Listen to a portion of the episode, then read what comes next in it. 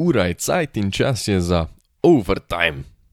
Po literarni prejšnji epizodi se danes vračamo v meso lige NBA, na tekme, na posameznike, na zgodbe in organizacije. Jaz vas že tu le vabim, no, da podcast delite, da se naročite, da preberete newsletter, link je v opisu do vsega in vse je very much appreciated, tako da hvala. Eh, danes pa to aktualno dogajanje zrcalimo mogoče na generacije. Uh, skozi prizmo pogledamo na protagoniste lige, na obraze franšiz in košarke, na posameznike, ki lahko zmagujejo prvenstva in pobirajo največje nagrade. In nagrad je veliko, praktično še več, kot jih je bilo prejšnji teden. Liga je naznanila nova imena posameznih nagrad in nove kipce oziroma steklene strukture, ki jih bojo posamezniki prejeli. Kar se imen tiče, po eni strani štekam, da želijo nekako bolj približati, narediti več pompa s tem, ko prelepijo enega all-time greata na Lovoriko. Ampak po drugi strani pa zdaj nikjer ne piše, da bojo ti posamezniki, po katerih so Lovorike zdaj poimenovane, vedno predstavljali elito elite v tisti kategoriji. Da ne bluzim preveč, um, MVP bo ponovem Michael Jordan Trophy, bomo rekli, da pričakovano ne. Uh, Defensive Player of the Year, torej obrambni košarkar lige, bo dobilo ime po Hakimu Olažuanu, Rookie of the Year bo Wilt Chamberlain, Sixth Man of the Year bo John Havlicek, Most Improved bo George Mikan in pa še nova nagradica, Clutch Player of the Year, torej igralec, ki je v zaključnih fazah tekme najbolj koristen in to bo Jerry West Trophy. Uh, kar se te trofeje tiče, bojo verjetno šteli doseganje točk v klač momentih. Ne vem pa, če gremo na to, kdo je dal največ pik, kdo je vrgel največ game winnerjev, kdo ima v klaču največje povprečje. V glavnem, še ena nagrada, pri kateri ne vem glih kaj je kriterij, ali pa se tudi mogoče ve, pa sam jaz tega nisem zasledil, ampak kakorkoli. A, tekma največjega rivalstva lige je šla v roke najboljše ekipe lige. Boston je v napeti in zanimivi tekmi premagal Lakerse obe moštvi sta pa vmes se mogoče prav celo trudili ne zmagati. In Los Angelesu je uspelo. Zmanjkalo jim je glih tok, da se lahko še enkrat pogovarjamo, da je treba nekaj narediti. Ker kot ti data Lebron pa Davis skupaj 70 točk, Bron je imel tudi 9 skokov, 9 asistenc, Anthony Davis 12 skokov, nekako težko pričakuješ več od njiju. Um, še Russell Westbrook je dal 20 točk in 14 skokov, pa so bili po podaljških Celticsi vseeno usodni za zlato vijolične. Boston je vodil že za 20 točk in pol je šel LA na nor run, prišel do 13 točk prednosti. Lakersi so 4 minute do konca tekme torej vodili 13 pik, pa so pustili Bostonu, da je silu podaljške. Kljub nori tekmi Antonija Davisa je mogoče malo nesrečni junak tekme, ker je pol minute do konca tekme falil oba prosta meta. Če bi jih skinil, bi torej bili Lakersi na plus 4. Pa jih ni in s tem je omogočil Jasonu Tatumu, da je na poti do svojih 44 točk ob koncu tekme čez Lebrona Jamesa zadev za podaljške. 44 pik in še ena predstava, ki ga pozicionira kar trdno med MVP protagoniste. Eh, predvsem ta met čez Lebrona Jamesa, pa je v mojih očeh mogoče še ena dodatna metafora menjave generacij, ki je v letošnji sezoni postala še malenkost bolj očitna. Uh, passing the torch. Celo Tatum sam je potek mi rekel, da je to, da napadeš velikana basketa kot je Lebron, le znak spoštovanja. In uh, mladeniči tem all-time greatom kažejo spoštovanje, hkrati pa na tak način postavljajo kar piko na i, prevzemajo vajeti lige NBA. Zdi se, da je letos ta mlajša garda, torej košarkarji do 25 let, naredila korak naprej, da so naredili preskok, preskok do MVP majstrov, da so v tem momentu postali mogoče boljši celo od največjih vseh časov. Ne smete tu zdaj razumeti, da so ti starejši ratali washed, še vedno so elita elite, obrazi lige, ampak zdi se, da so se jim vsaj ob bok postavili mlajši kolegi, ki obetajo, da se jim čez 15 let pridružijo potem tudi v dvorani slavnih. In tu je na mestu vprašanje. Gledamo v tem trenutku najbolj talentirano ligo ever? Jaz bi rekel, da ja. Na enem koncu imaš Lebrona Jamesa, Stefa Curryja, Kevina Duranta, Krisa Pola, Kawaja Leonarda, tudi Dejma Lillarda, Jamesa Hardna, Rasla Westbrooka. Večina teh je še vedno pri vrhu lige, pa so zakorakali že krepko v jesen svoje kariere. Pa imaš tu mogoče neko umestno generacijo, generacijo zelo zrelih posameznikov, ki so pripravljeni stopiti na tron lige, imajo izkušnje, talent, mentaliteto. Janis Antetokounmpo, Nikola Jokič. To sta dve imeni, pa kar zadnji štirje MVP nazivi. Ali Michael Jordan nagrade, sej ne vem več. Joel Embiid, Devin Booker, to so kalibri za nošnjo generacije. Ampak danes se slinim po tistih malo mlajših, majstrih, ki so že v zadnjih letih nakazovali, da bojo pošasti, letos pa so se zacementirali kot najboljši posamezniki lige. O Luki Dončiću kot posamezniku ne bom preveč razglabljal, govorimo o njem kar veliko, individualno ima MVP sezono, ekipa je vsaj zaenkrat preslaba, da bi ga dejansko lahko prejel. Um, je pa res, da če začne kucati, tako kot je to naredil proti Milwaukeeju, zabil čez Juruja Holidaya, ja, to bi bil pa pol še samo en klicaj na njegove predstave. Ampak kaj mu to pomaga, če so na koncu proti Baksom puhnili? Puhnili so tako, da so spet spustili vodstvo iz rok, da je Brook Lopez ob koncu zadev za zmago. Dallas je pa zadnji napad izvedel basically copy-paste akcije, ki jo delajo skozi. Milwaukee je dobra ekipa, Milwaukee je to videl, Milwaukee je to ustavil, preveč simpel. In pač, če proti Baksom zgubiš, ni absolutno nič narobe, ipak je to ena najboljših ekip v ligi, Baksi so boljši kot Dallas, to je dejstvo, ampak način, na kjer ga Mavericks izgubljajo tekme, je tak mal dosaden. Prepoceni meče v stran vodstva, ki so si jih prigrali, akcije so preveč osnovne, ekipa živi in umira z Dončičem. Donke je njen napad, kar tudi v končni fazi ni nič narobe, ampak če Donke ni, posledično nimaš za burek. In pol, na primer, na naslednji tekmi po Milwaukeeju ga ni bilo. Bilo je back-to-back tekma, počivajo proti Chicagu in Dallas je izgubil za 30 točk. Trenutno precej slab Chicago jim je nasul 144 točk, kar pač se ne bi smelo dogajati.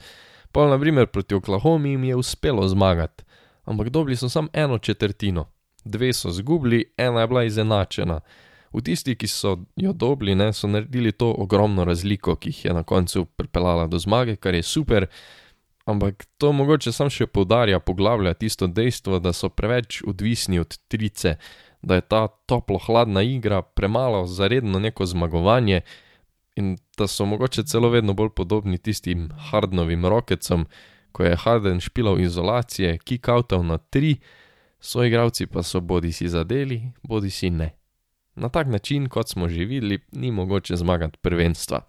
Škoda je, no, ker pač Donke res igra, je prvi obraz nove generacije. 23 let. Ker ob boku, bomo rekli, pa mu stoji Jason Tatum, majster, ki se vedno bolj kaže kot legit MVP kandidat, ker ima nore predstave. 30 pik na tekmo, hkrati pa je še ekipa najboljša v ligi. Tatum je imel prostor in čas, da se razvije. Ob boku ima Jalena Browna, legit all-star igralca in pa še vrsto druge kvalitete. Boston tudi zna zbirati trenerje. Vsak, ki ga je Tatum imel, mu je nekaj oziroma ekipi nekaj dodal in vsi ti trenerji so zaslužni, da je Boston danes vele sila, tako v napadu kot v obrambi. In vele sila je tudi Tatum. Ko je v elementu, je praktično nezaustavljiv. Če smo se nekaj let nazaj še spraševali, če je Brown morda celo boljši košarkar, so dvomi letos dokončno razblinjeni. Jason je zadnjih nekaj let kazal obdobja MVP talenta, nikoli pa ni res povezal celotne dominantne sezone. Letos hara že od začetka. Zaključuje tekme, nosi napad, igra nadpovprečno obrambo. 30 točk, 8 skokov, 4 asistence na tekmo. 48 postov iz igre, 39 postov za 3. Elita. In ekipa zmaguje. 24 let.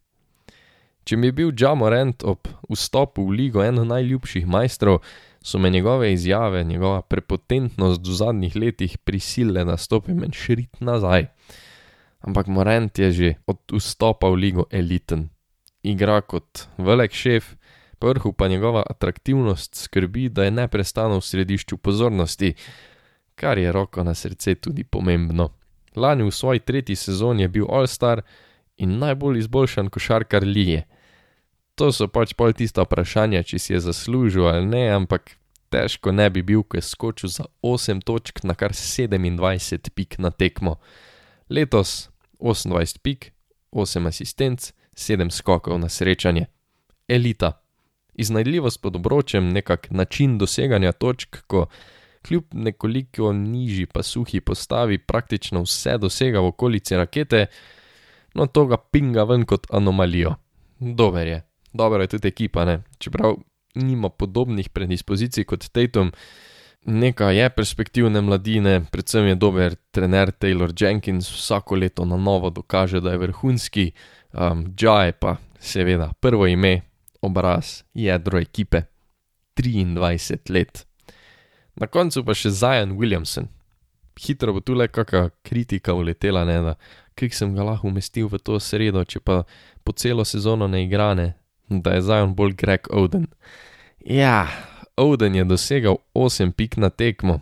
Zajan je že zdaj v karieri odigral več tekem s poprečjem 26 točk. 26 pik na tekmo dosega, pošast je pa vsaj meni, no, mogoče tudi tako bolj všečnih, inteligentnih majsterov, um, jaz bi rekel, da se zna prav obnašati tudi v malo bednih situacijah, no, podati neke prave izjave. Um, zdaj, ko je naprimer proti Phoenixu čist na koncu tekme, tekma je bila že odločena, uh, zabil 360 windmill, seksi. In pol je bilo seveda drama, so se skoraj mal tepli, da to ni športno.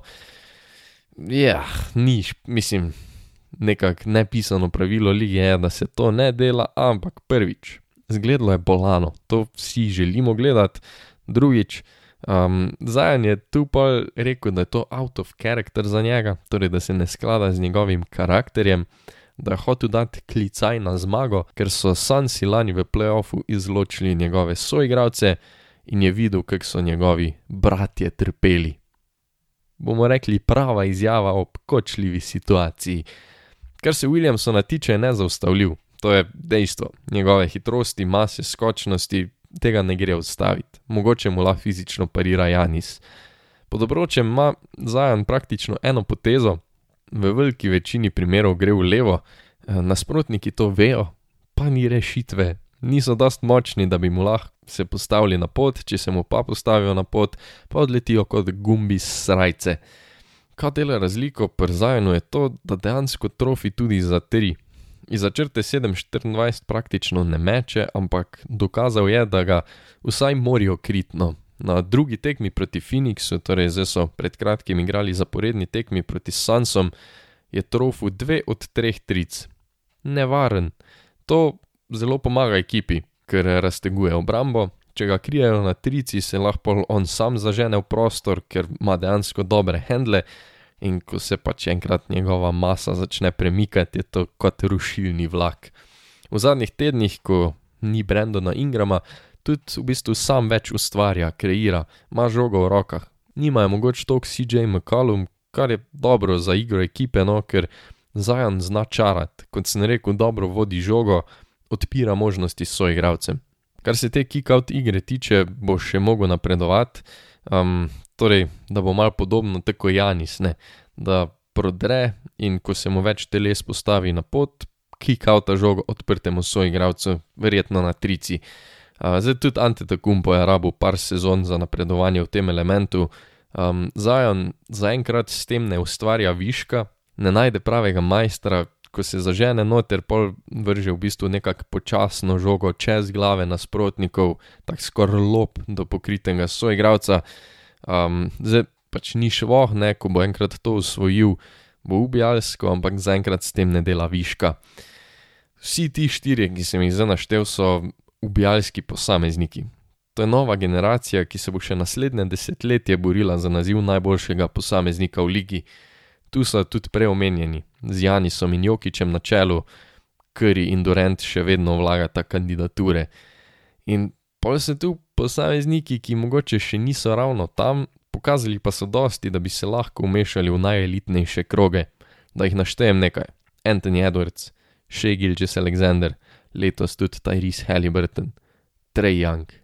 Ti sledijo omenjeni četverici, Dončiću, ki je taka mal kombinacija Larryja Brda, kar se iznajdljivosti tiče, in pa Jamesa Hardna v smislu nošnje napada in izolacijske igre. Oba precej dobra majstra, jel? Tatum v pristopu sliči na Kobeja Bryanta, svojega mentorja, ko je v elementu meče čez nasprotnike in je nezaustavljiv skorer kot Kevin Durant. Ker dobra majstra. Ja je s svojo iznajdljivostjo reinkarnacija Derricka Rosea, ki je čaral pod obročem, proti obroču eksplodira in prodira kot Russell Westbrook. V svojih letih nadvse kvalitetna posameznika, MVP-ja.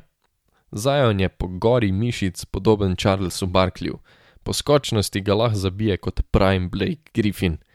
Vsi so mešanice all-time greatov, MVP-jev.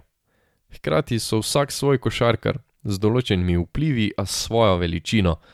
Veterani lige štafetne palce še niso pripravljeni spustiti z rok, vse pa se zdi, da jim ti mladi majstri počasi ne bojo več dali izbire.